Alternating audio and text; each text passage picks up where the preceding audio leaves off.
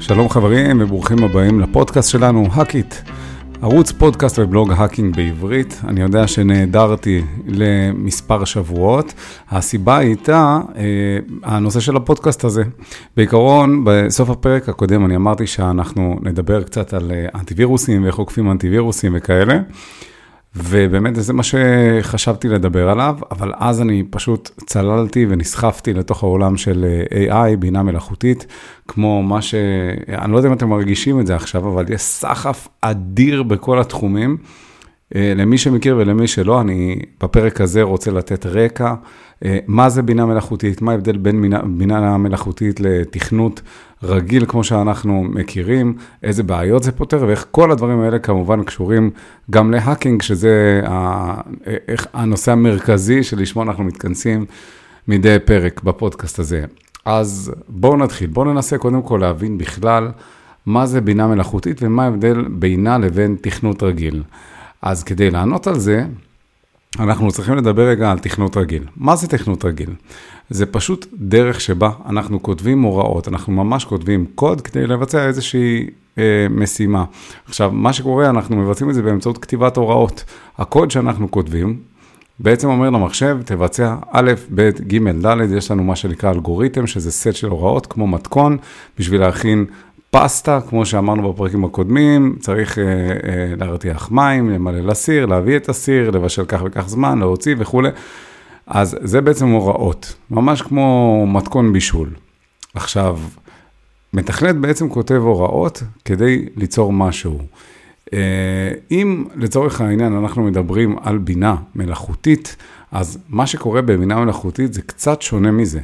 כי בבינה מלאכותית אנחנו לא כותבים קוד אחד לאחד שמבצע הוראות מלמעלה למטה, top to bottom וכאלה, כמו שזה עובד בעולם של התכנות, אלא מה שבעצם אנחנו עושים, אנחנו יוצרים תוכנות שמסוגלות ללמוד, הן מקבלות איזשהו, מה שנקרא דאטה סט, הם מקבלים איזשהו מאגר מידע, ועל בסיס המאגר מידע הזה הם לומדים שוב ושוב ושוב ושוב ממנו, מסיקים מסקנות ומנסים לנבא, מנסים לאפשר איזשהו חיזוי. עכשיו, איך זה מתאפשר? כי בסוף מחשב זה מחשב, הוא לא יודע ללמוד. מה זה, מה זה יודע? מה זה בינה מלאכותית? אין לו באמת בינה.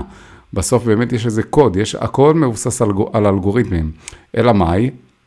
אלא הכוונה היא שבניגוד לתכנות רגיל שיש לנו פשוט קוד שרץ מההתחלה עד לסוף כדי לפתור בעיה מסוימת, כמו למשל לפתח אתר אינטרנט, אנחנו כותבים קוד שעונה על פיתוח אתר אינטרנט, בבינה מלאכותית אנחנו מתעסקים הרבה במודלים. במודלים הכוונה שיש איזה שהם אלגוריתמים של, זאת אומרת, זה כן, יש לנו סט הוראות, אה, מתכונים אם תרצו, של בינה מלאכותית, שבוא נקרא לה בשם האמיתי, שזה נקרא פשוט Machine Learning, למידת מכונה. למה? כי יש כל מיני אלגוריתמים, כל מיני מתכונים, שבוא נגיד, אמורים לאפשר למחשב לבצע למידה, למכונה ללמוד. ואז מה שמאפשרים בעצם זה לתוכנה לזהות דפוסים מסוימים בדאטה, במידע שאנחנו מספקים לה, וכך לבצע, כמו שאמרנו, חיזויים כאלה ואחרים. אז בעצם הבדל אחד מרכזי בין תכנות רגיל לבין בינה מלאכותית זה, כמו שאמרנו, שתכנות רגיל משתמש בגיטה, בגישה, נקרא לזה יותר אה, דטרמיניסטית. זאת אומרת שהמתכנת ממש צריך להיות מאוד מאוד ספציפי במה שהוא רוצה.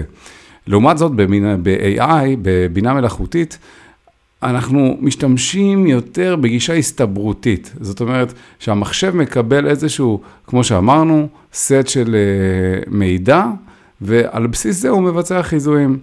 אה, דבר נוסף שהוא יכול להיות איזשהו הבדל משמעותי בין, אה, בין השניים, זה שתוכנה, שתוכנה ספציפית באה לפתור בעיה, משימה ספציפית, בעוד שבינה מלאכותית היא יותר משמשת אה, לשימוש כללי כזה, נקרא לזה ככה. כמו למשל, אה, בואו נקרא, אם נרצה לתת דוגמה טובה, זה יכול להיות באמת רינדור של תמונות או זיהוי טקסט.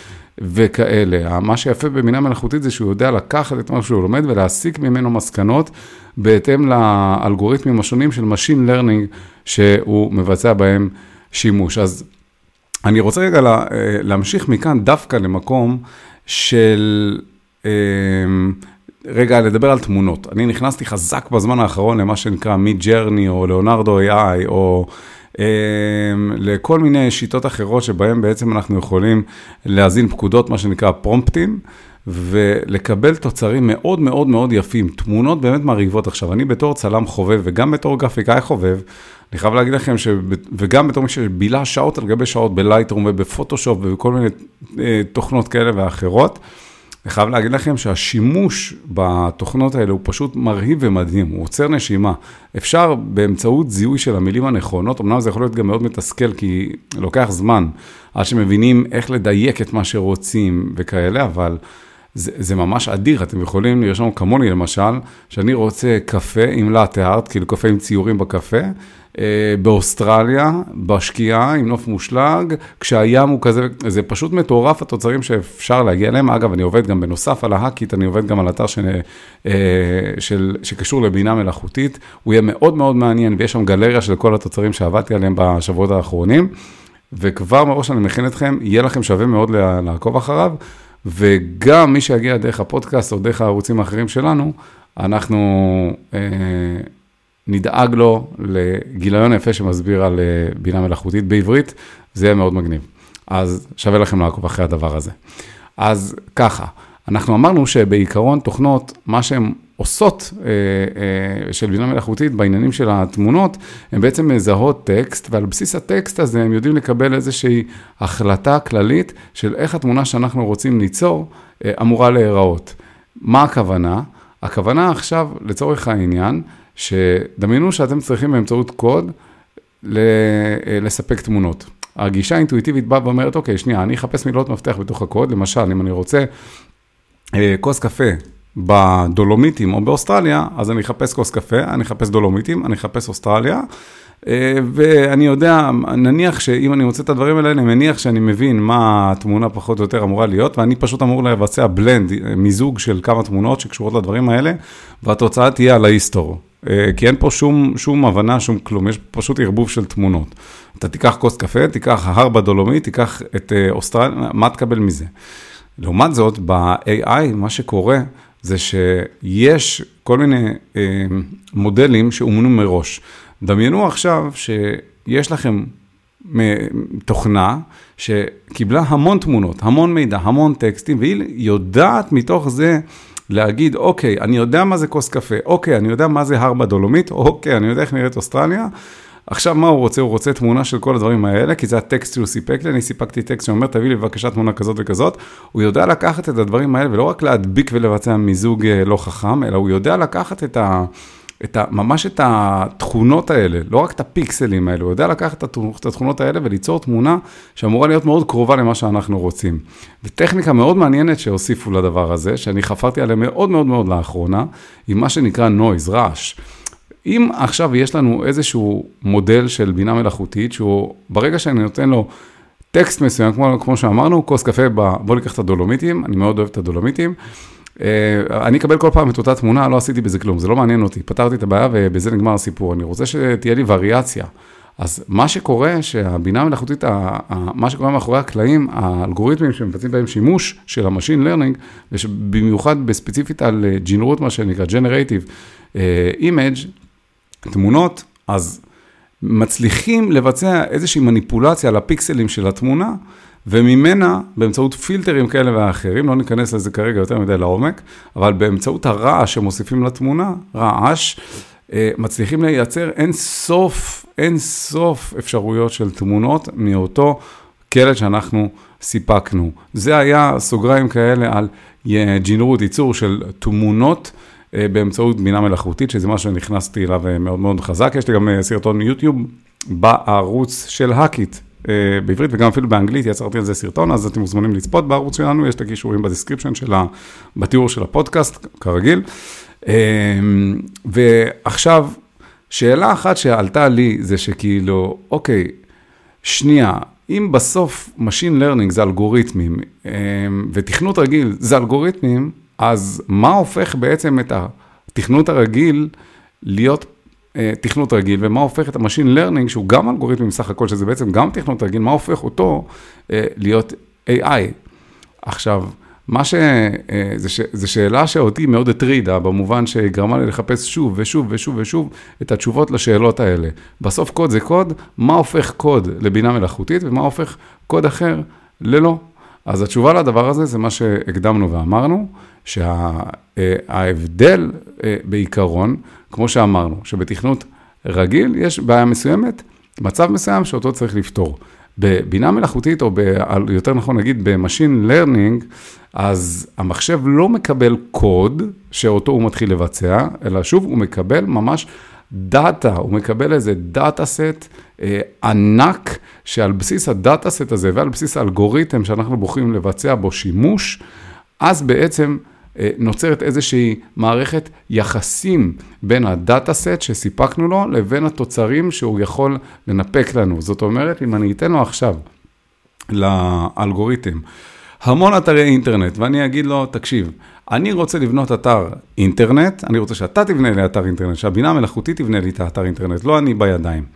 אז אני אצטרך לתת לו באמת כמויות גדולות מאוד של אתרי אינטרנט, והוא לבד אמור להסיק אה, באמצעות שימוש באלגוריתם כזה או אחר של Machine Learning, איך נראה אתר אינטרנט, בלי שאני אגיד לו מה זה HTML, מה זה התגים, מה זה head, מה זה body, מה זה footer, כל הדברים, בלי כל הדברים האלה. על ידי זה שאני מספק לו כמות גדולה מאוד של דאטה של אתרי אינטרנט, הוא לבד אמור להסיק את המסקנות על איך לבנות אתר אינטרנט. ואז שאני אגיד לו, תיצור לי אתר אינטרנט, הוא פשוט ייתן לי אתר אינטרנט אה, שנראה דומה לדברים שהוא, שהוא למד. עכשיו, יש אלגוריתמים אה, שונים ומגוונים, יש למשל מה שנקרא Neural Network, Neural זה כמו הרשת שיש לנו אה, במוח, יש את המוח האנושי שלנו, יש לו מבנה מסוים, ניסו לקחת את המבנה של המוח, הנוירונים שמחברים בין המקומות השונים, החלקים השונים במוח, ואת זה לזרוק על אה, אלגוריתמים של Machine Learning, כי זה בעצם אה, אה, מה שנקרא בעולם של ה-AI, יש כל מיני גשרים, נקרא לזה ככה, גשרים בין נקודות כאלה ואחרים. כמו במוח, שיש כל מיני נקודות שמחברות בין הזרמים השונים של החשמל.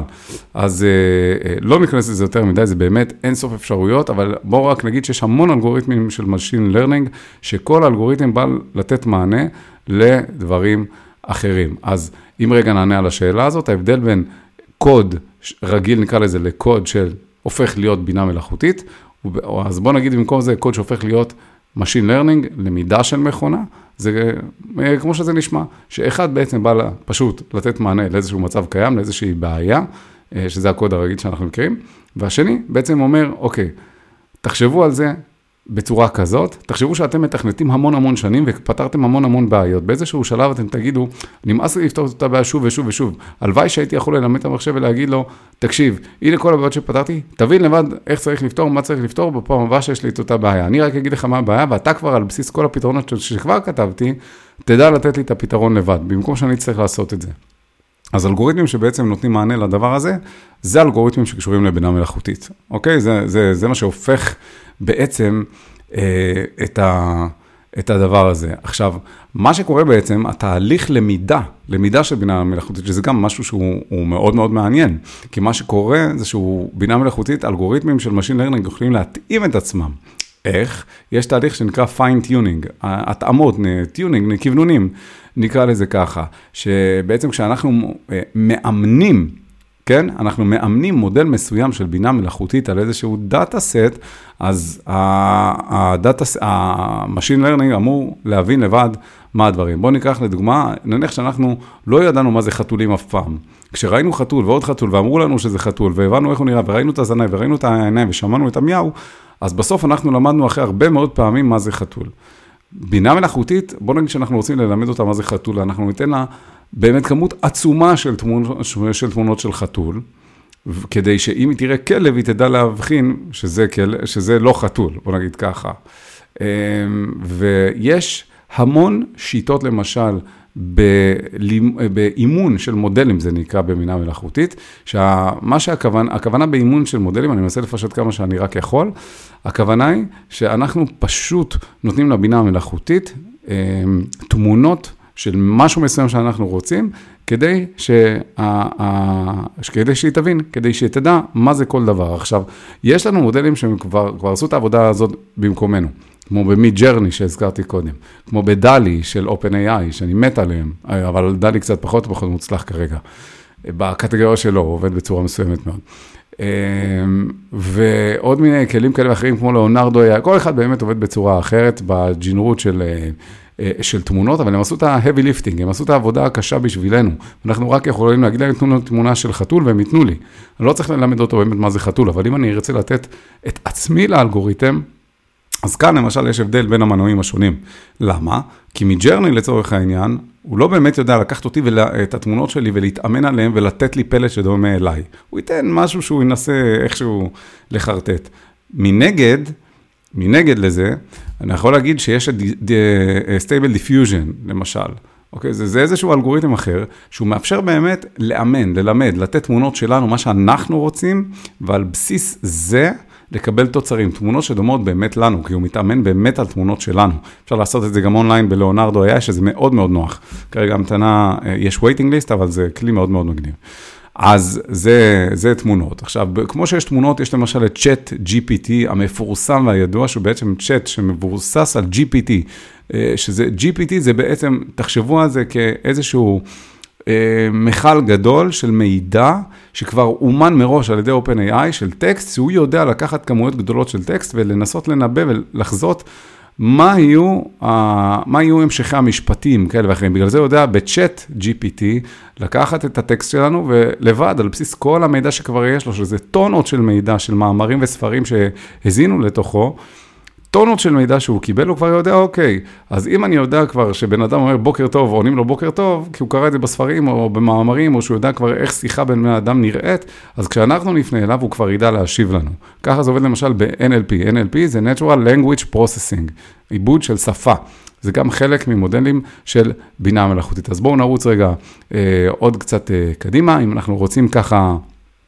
אה, לעשות, אני לא יודע אם נדבר על, על עוד השוואה בין בינה מלאכותית לבין אה, תכנות אה, רגיל, כי אני חושב שזה די, די, די הסביר את עצמו, אבל מה שאני אולי כן אתן דוגמה שהיא מאוד מאוד מעניינת, היא בדיקה שאני עשיתי. אני אמרתי, אוקיי, שנייה, בוא ניקח את זה עוד שלב אחד קדימה. איך אני אקח את זה שלב אחד קדימה, את ההבדל בין בינה מלאכותית לקוד רגיל?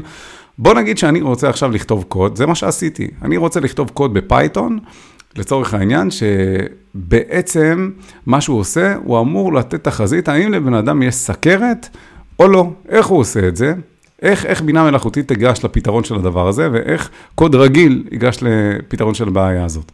אז מה שאני עשיתי בפייתון לצורך העניין, אני אמרתי, אוקיי, שנייה, בוא ניקח מדדים, בוא ניקח את המדדים הרפואיים, כתבתי איזושהי פונקציה, מי שלא יודע מה זה פונקציה, זה לא באמת משנה, יש קוד שהוא פשוט מקבל ערכים, הוא מקבל את רמת הסוכר בדם, הוא מקבל את הלחץ דם, הוא מקבל את אה, עובי העור, הוא מקבל את האינסולים, BMI, כל, את הגיל, ועל בסיס זה יש איזושהי נוסחה, מסתבר, שאפשר להכפיל כל אחד מהערכים האלה באיזשהו ערך מסוים, ועל בסיס זה לקבוע איזשהו threshold, איזשהו סף, ואז להגיד, אוקיי, אם כל המדדים האלה כפול איזשהו מספר, כל מדד כשלעצמו כפול איזשהו מספר, אם הסך של כל הדבר הזה הוא מעל סף מסוים, כנראה לבן אדם יש סכרת, ואם לא, אז לא. ככה זה עובד בקוד רגיל. קיבלתי ערכים, הכפלתי באיזשהו מספר, החלטתי, כן, לא. ככה זה עבד בפייתון. עכשיו, כשלקחתי את זה למקום של AI, של בינה מלאכותית, זה כבר הופך להיות קצת קצת יותר מורכב. למה? כי שם אנחנו עובדים עם מודלים. כמו שאמרנו, שמשתמשים ב machine learning, זאת, זאת אומרת שאני לא לוקח עכשיו איזשהו, איזשהם מדדים וקובע עוד פעם סף. זה לא מה שאני עושה. בשביל אה, לקבוע באמצעות בינה מלאכותית האם לבן אדם יש סכרת או לא, אה, על בסיס הרקע הרפואי שלהם, אז מה שאנחנו צריכים לעשות זה ממש, בוא נגיד, לטעון קודם כל דאטה סט, מאגרי מידע שקשורים לסכרת, אוקיי? לטעון מאגרי מידע, מדדים, ערכים גדולים, כל מה שאני יכול שקשור לסכרת, לפצל את זה אחר כך לכל מיני דברים, כדי לאמן אותו. זאת אומרת, אני ארצה לקחת את הדאטה הזה, ועזבו אותה לפצל, אני לא אסבך את זה יותר מדי, אבל אני פשוט אגיד שאני לוקח את כל המידע ואני גורם לאלגוריתם של ה machine learning ללמוד. אני לא נותן רק ערכים, הוא יזין ערכים והוא יקבל תוצאה. לא. אני מראש נותן כל מיני ערכים של כל מיני אנשים, של כל מיני סיטואציות, של כל מיני הסתברויות, והוא לבד כבר יודע להגיד, אוקיי, אם פה ופה ופה זה ככה, ופה ופה ופה ופה זה ככה, אז יכול להיות, אז שהחיזוי אמור להיות ככה, אז תהיה לו סכרת אם ואם ואם ואם ואם. זאת אומרת, עוד פעם, ברמה הטכנית, אם לפני רגע הסברתי בפייתון מה אני עשיתי, אז אם אני צריך לדבר על, על בינה מלאכותית, אז טענתי איזשהו data set שקשור לערכים של אה, סכרת, ואני אה, לא צריך לדבר על הפיצול עכשיו שהיה שם אה, באלגוריתם, וזה אני משאיר רגע בצד, אז תתעלמו מזה. ומה שגרמתי לו לעשות זה בעצם באמת ללמוד. הפעלתי עליו איזשהו אלגוריתם, שהמטרה שלו הייתה באמת לאמן אותו באמצעות משהו שנקרא Random Forest Classifier. Random Forest Classifier, כמו שאמרנו, אנחנו לא צריכים ב-AI להמציא את הגלגל. יש כבר ספריות ויש דברים ויש אנשים, אנשים שעשו עבודה עבורנו, אה, שקשורים ל-Machine Learning. אז מה שהייתי צריך לבחור זה באיזה אלגוריתם אני רוצה להשתמש של בינה מלאכותית, ולהשתמש בו על הדאטה סט שאני טענתי, אז אתם יכולים להבין שהדאטה סט שאני טענתי, כל הערכים של הסכרת, זו הייתה עבודה קשה מאוד. ואחרי שיש כבר את הערכים, ואחרי שיש כבר את ה data set, אז אני מבצע שימוש במודל החדש שיצרתי, ואיתו בעצם אני כבר מבצע איזושהי, איזושהי אה, תחזית, אוקיי? זה נשמע קצת יותר מסובך, אבל ככה זה עובד. תבינו רק באופן כללי, שאל מול ההגדרות היבשות של Python, כאן, אמנם גם עשיתי שימוש ב Python, כן?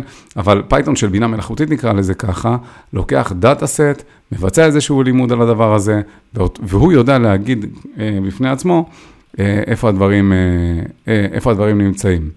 אז זה ככה בגדול על ההבדל בין תכנות עוד פעם לבין אה, זה. אני יכול להגיד לכם, אני אדלג רגע על, על השלבים הבאים, אבל אני כן ניסיתי לקחת את זה גם למקומות של בניית אתרים בצורה אוטומטית וכל מיני דברים כאלה ואחרים. זה באמת אה, עולם שלם והוא מסתעף מאוד מאוד מאוד, ואפשר לדבר עליו פשוט בלי סוף. למשל, אם אני רוצה לבנות אתרים בצורה אוטומטית, באיזה אלגוריתם אה, של אה, Machine Learning אני בוחר, נכון? זו בטח שאלה שעלתה לכם גם תוך כדי עכשיו. באיזה אלגוריתם בחרת? מה זה מה שאמרת Random Forest? מה זה הדברים האלה? אז באמת יש כל כך הרבה סוגים, וזה משהו שאפשר לצלול ולדבר עליו בלי סוף. זה דורש הרבה יותר מאשר פודקאסט, אה, מאשר פרק של פודקאסט, זה פודקאסט שלם כשלעצמו, אבל אני רק אגיד אולי באמת, במילה, למשל, שאם אני רוצה, אה, לצורך העניין, להאזין כמות גדולה מאוד של אתרי אינטרנט לאיזה אלגוריתם של Machine Learning, אז אני צריך לעבד בעין את המידע. וכשאני מעבד בעין את המידע, אני צריך להגיד לו מה לעשות. עכשיו, אני צריך להכין בעצם לאלגוריתם את המידע, וההכנה הזאת לאלגוריתם של ה-Machine Learning, מה שהיא עושה, יש כמה דברים מאוד מאוד מגניבים וחכמים, וזה תלוי במה משתמשים, אבל יש משהו שנקרא אה, TF-IDF. IDF אמנם זה אצלנו אה, צה"ל, כולנו יודעים, אבל פה לא, זה לא הכוונה, אבל זה גם מגניב, כמו צה"ל כנראה.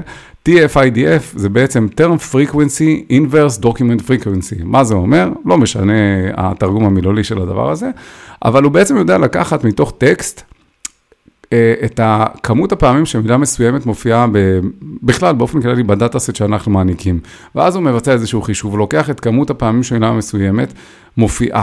ואז הוא מחלק אותה בכלל במספר המילים, והוא מתחיל להבין חשיבות של מילים. ככה הוא מנסה לנתח פחות או יותר את הטקסט. סופר מעניין. ככה הוא מתחיל לנסות להיכנס יותר לעובי הקורה של הדבר הזה, וזה גם חלק מהלמידה שלו. אמ, וככה שבעצם יש הכנה.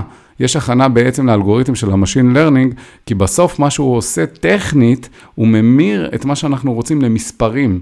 והמספרים האלה, בגלל זה עכשיו אמרתי שהוא לוקח, אה, אה, למשל, מילים, והוא ממיר אותם לכמה פעמים, זה מופיע איפה ולמה וכמה, בסוף האלגוריתם עובד עם מספרים ויש לו כל מיני שיטות להמיר את זה, לבצע את ההמרה הזאת, ולא ניכנס כאן למקומות האלה. אבל כן נגיד שיש ב machine learning כל מיני סוגים של אלגוריתמים, מה שנקרא Deep Learning.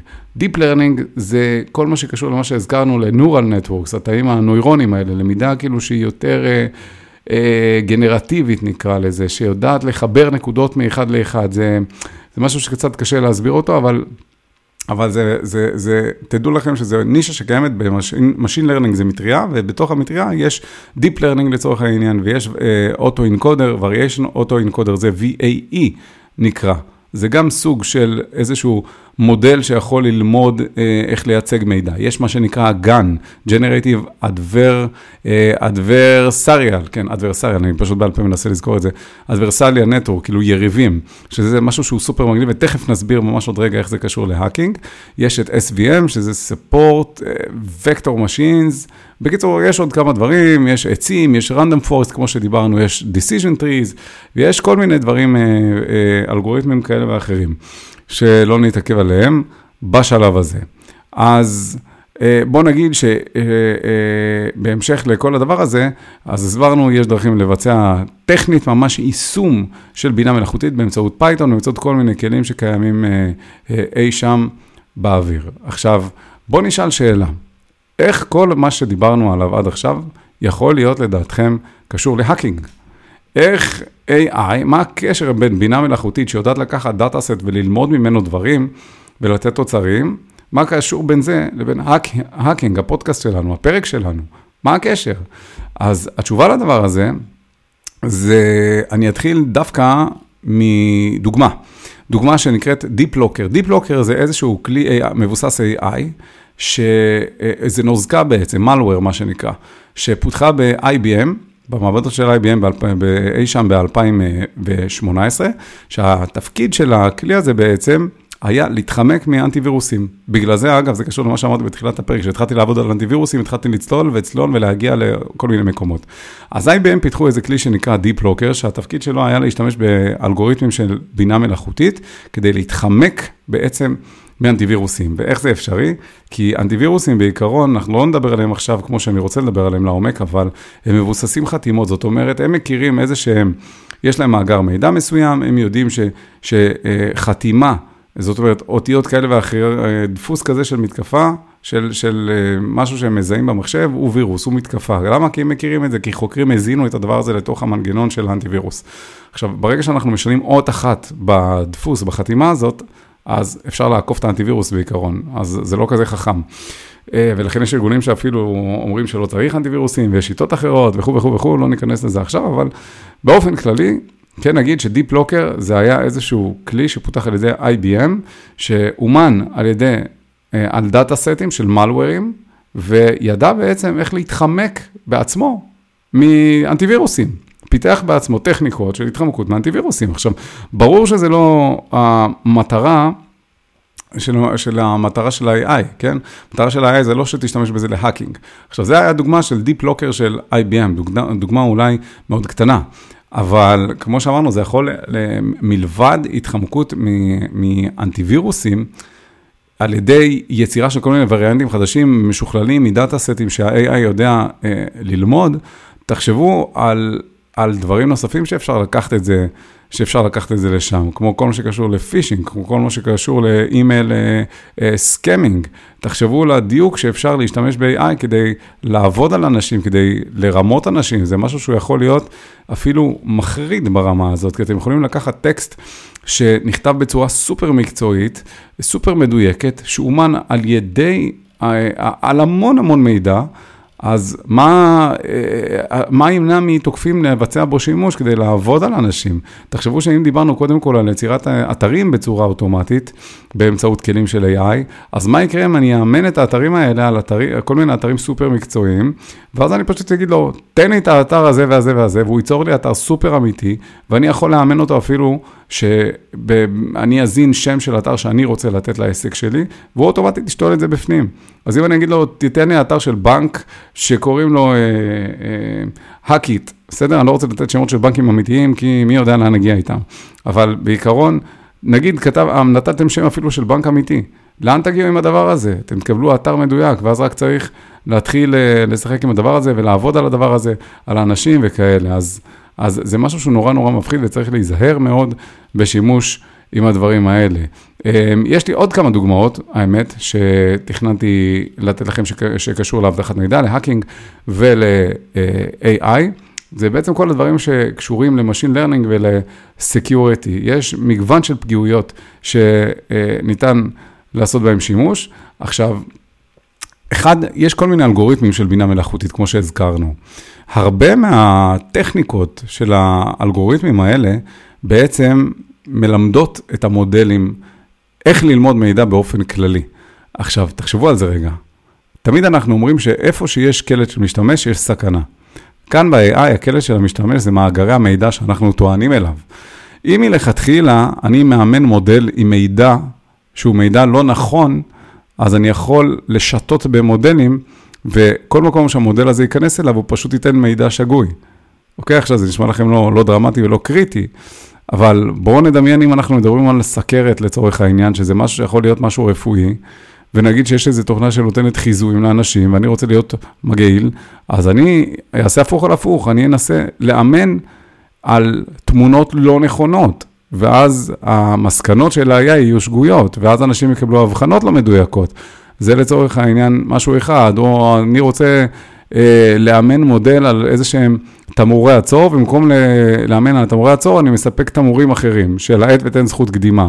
ואז אני, זה, זה נשמע לא דרמטי ולא קריטי, אבל הרעיון מובן, נכון? ש data poisoning, שאנחנו יכולים פשוט להזין מידע לתוך המודלים האלה, לתוך הדאטה סטים האלה, שהוא שגוי ביסודו. ועוד דבר שאנחנו יכולים לעשות בדבר הזה, אגב, ההתמודדות אל מול הדבר הזה, אל מול התמונות הנכונות או לא נכונות, או זהירות גדולה מאוד בדאטה סטים שטוענים לתוך אלגוריתמים של בינה מלאכותית, זה, אה, אה, זאת אומרת, ההתגוננות מפני המתקפות האלה היא מאוד מאוד מעניינת. כי מה שקורה זה שפותח איזשהו מנגנון אה, נגדי, התקפת נגד, adversarial, מה שאמרנו, training. מה זה אומר? זה אומר בעצם שיופי שאני עכשיו אמרתי לבינה מלאכותית, בוא תיתן לי משהו, בוא ניקח דוגמה. יש מה שנקרא GAN, GAN זה מה שהזכרנו קודם. התפקיד של ה GAN הזה זה לקחת איזשהו רעש, איזשהו, איזשהו, בוא נגיד תמונה של 512 פיקסלים על 512 פיקסלים, שכולה רק שחור ולבן, אין בה כלום, זה לא תמונה אמיתית, זה סתם רעש. אה, כמו בטלוויזיה של פעם, למי שלא יודע אז אני מצטער, אין לי כבר איך להסביר את המושגים שלכם הצעירים, הילדודס, אבל טלוויזיה של פעם. אז כל המסך הזה, ממנו התפקיד של האלגוריתם של הבינה המלאכותית, אחרי כל מיני התאמות שהוא יודע כבר להתאים פיקסלים וכולי וכולי וכולי, לא, לא, לא נצלול לזה עכשיו, אבל הוא יודע להפיק מזה איזושהי תמונה בהתאם לטקסט שאנחנו הכנסנו, ואמרנו לו, תיצור לי קפה בדולומיטים, הוא לוקח את הרעש הזה, לוקח את מה שביקשתי, מזה הוא יוצר לי איזושהי תמונה. עכשיו, צריך להיזהר, כי אני הכנסתי את הקלט, נכון? אז מה שקורה, בגן למשל, יש רשת אחת שיוצרת את התמונה הזאת, היא יוצרת מה שהזכרתי עכשיו, נוצרת לי איזושהי תמונה, ואז יש רשת נגדית, אדברסריאל, יש לי יריב, שהתפקיד של היריב זה לקחת את התמונה הזאת ולהגיד, אוקיי, האם זה פייק, זאת אומרת, האם זה, האם זה משהו מזויף או האם זה משהו אמיתי? האם זה נראה אמיתי, זו תמונה אמיתית, או שזה משהו שהוא לא נכון? זאת אומרת, אם ביקשתי קפה, וביקשתי אה, דולומיטים, וביקשתי הכל, הוא מסתכל ובוחן את זה ממש, בזכות מגדלת, האם זה תמונה של דולומיטים וקפה? כן, יופי, יאללה. אם לא, אז, אז לא, תעבוד יותר קשה, הוא פוסל לו. יש קנסות, כאילו, גם לפי אלגוריתמים מסוימים, שכאילו ממש נותנים קנס לאיזשהו אלגוריתם, אז איזשהו זייף איזשהו, אה, אה, איזשהו משהו כזה, כזה או אחר.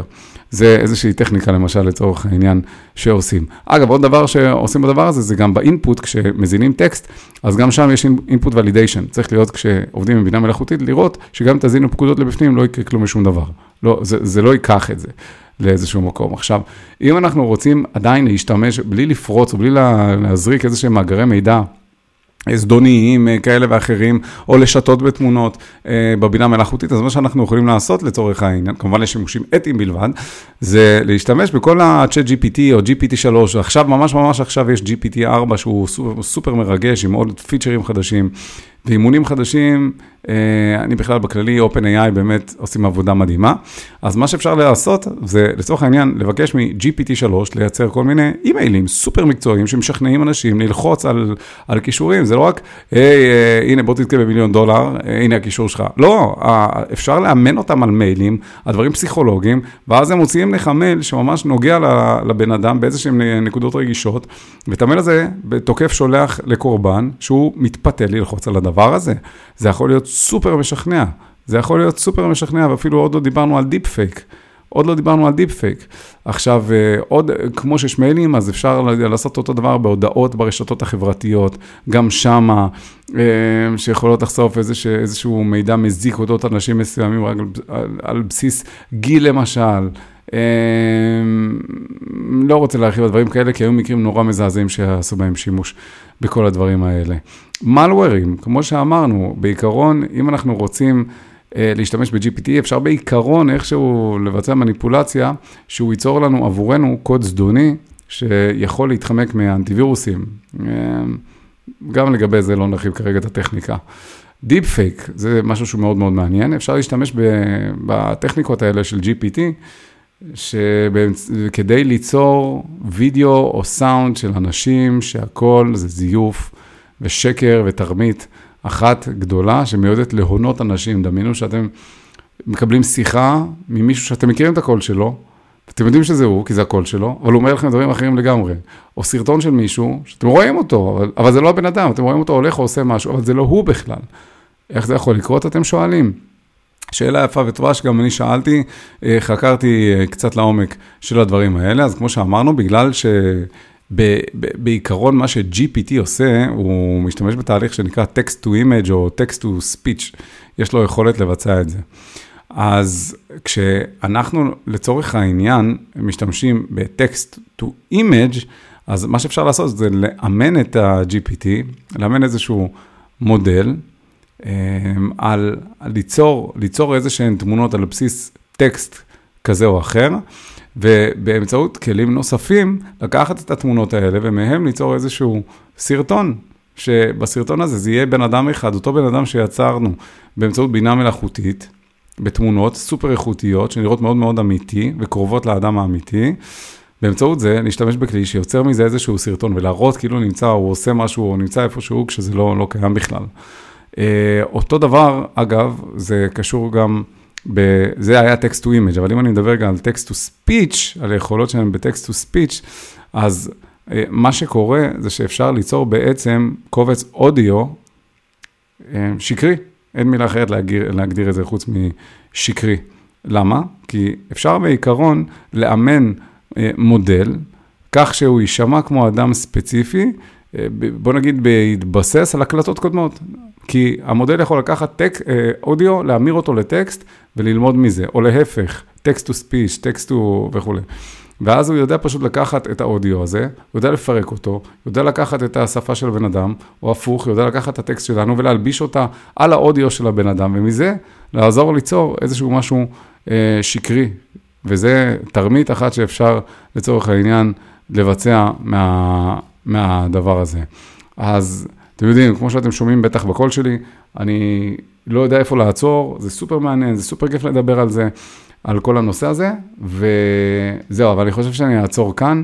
אז אם אני צריך לעשות ריקאפ, לסכם, דיברנו על בכלל מה זה בינה מלאכותית, הסברנו מה ההבדל בין קוד רגיל, תכנות שאנחנו מכירים היום, אל מול בינה מלאכותית, איזה בעיות אה, קוד רגיל פותר ואיזה בעיות בינה מלאכותית אה, באה לפתור. הסברנו שקוד רגיל פותר בעיות מלמעלה למטה, אנחנו כותבים קוד, פותרים בעיה נגמר, אבל פעם הבאה אנחנו נצטרך לחזור על אותו דבר, לפתור שוב ושוב ושוב. בינה מלאכותית שזה יותר נכון להגיד Machine Learning, זה אלגוריתמים מסוימים שפועלים בצורה מסוימת, שיודעים לקחת סט של מידע ולבד ממנו להסיק מסקנות. אני אגיד שוב, במקום שעכשיו, למשל, בקוד רגיל, שאני רוצה ליצור אתר שמאפשר לאנשים ליצור, לחולל אתר אינטרנט כרצונם, אז בקוד רגיל הייתי פשוט צריך ליצור תבנית ב-HTML ו-CSS וכאלה, ולהגיד לבן אדם, תן לי את השם, את האתר של האתר שלך, אה, הוא ילחץ על כמה כפתורים, ובום, הוא יקבל אתר מוכן על בסיס התבניות שאני האזנתי. זה קוד רגיל. בקוד של בינה מלאכותית, באלגוריתמים של Machine Learning, מה שיקרה זה שאני אזין כמויות גדולות של אתרים לתוך האלגוריתם הזה, ואני לא אצטרך לכתוב שום קוד, כלום, נאדה, לא צריך לכתוב כלום. אני פשוט נותן לו את המידע. העבודה הקשה שלי זה ללמד אותו מה המידע. זה להביא לו את המידע, להכיל אותו, ללמד אותו, לאמן אותו, זאת העבודה הקשה. ובסוף, כשהוא ידע לתת לי, אה, כשאני אבקש, שאני אבנה עדיין אה, איזשהו עמוד שרק אומר, בוא תכניס את הפרטים של העסק שלך ואת השם שלך ואת האתר שלך, אה, ש, הכתובת שלך, סליחה, אז הבינה המלאכותית יודעת לבד, על בסיס הסוג של העסק, איזה אתר היא צריכה ליצור, בין אם זה בנק, בין אם זה אה, חברה קדישא יצא לי, לא יודע למה, אין לי מושג למה, השם ירחם. אבל אה, מה שזה לא יהיה, איזה עסק שאתם לא חושבים עליו, זה בינה מלאכותית וככה היא עובדת.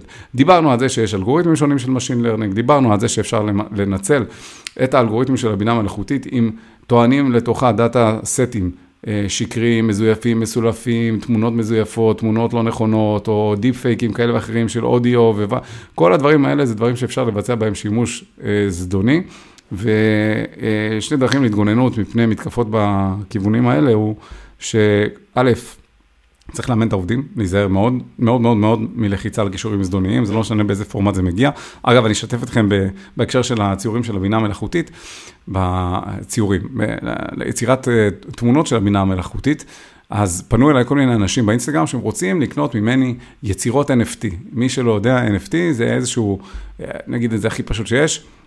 בוא נגיד שכל תמונה שאתם מייצרים, אתם, יש לכם בלעדיות על התמונה הזאת, הבלעדיות הזאת קשורה באיזושהי שרשרת שנקראת בלוקצ'יין, נעזוב את זה כרגע עכשיו, טוענים אותה לשרשרת הזאת, ואז מי שרוצה לקנות מכם את הזכות על התמונה הזאת, יכול לשלם לכם על זה כסף.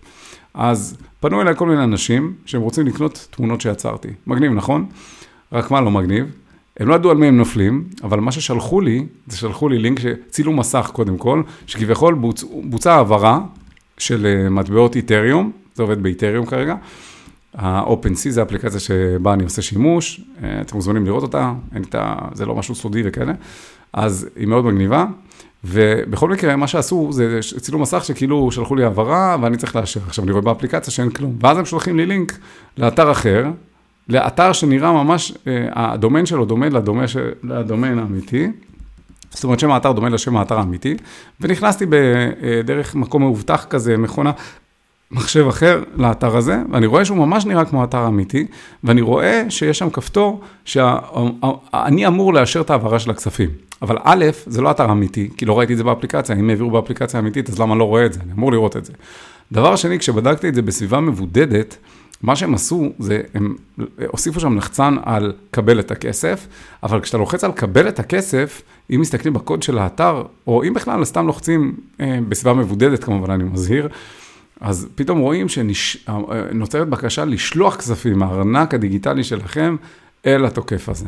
והם לא הבינו על מי הם נפלו, אז כשאמרתי להם שהם יכולים לחפש את החברים שלהם, הם פנו אליהם מכל מיני פרופילים, מכל מיני הזדמנויות, בכל מיני דברים, אז זה היה פשוט אה, סופר אה, הזוי, הדבר הזה, אבל גם העפתי אותם לאלף רוחות, והם כמובן חסמו אותי מיד והתקדמו לדרכם. אז שימו לב לדברים האלה, התוקפים יצירתיים, משתמשים במגוון דרכים, הם עברו ל-NFT, יצירות של בינה מלאכותית, אה, מנסים לבצע שימושים באתרים סופר איכותיים, הדומיינים אחרים, טכניקות מתקדמות, אז עיקר הזהירות עם הבינה המלאכותית זה באמת לשים לב, לשים לב לדברים.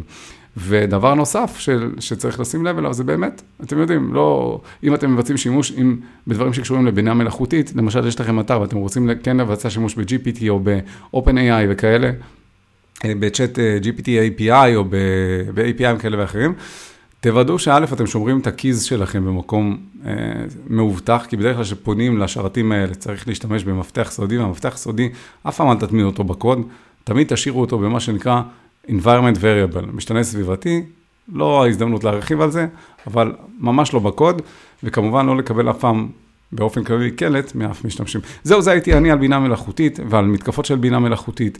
אה, מקווה שנהנתם. אני שמח מאוד שאתם מאזינים, שמח על הפידבקים ומזמין אתכם שוב לעקוב אחריי בכל הפלטפורמות שקיימות ב... אה, בערוץ שלנו של האקיט, יש לכם למה לצפות, והכל בתיאור, ונשתמע בפרקים הבאים.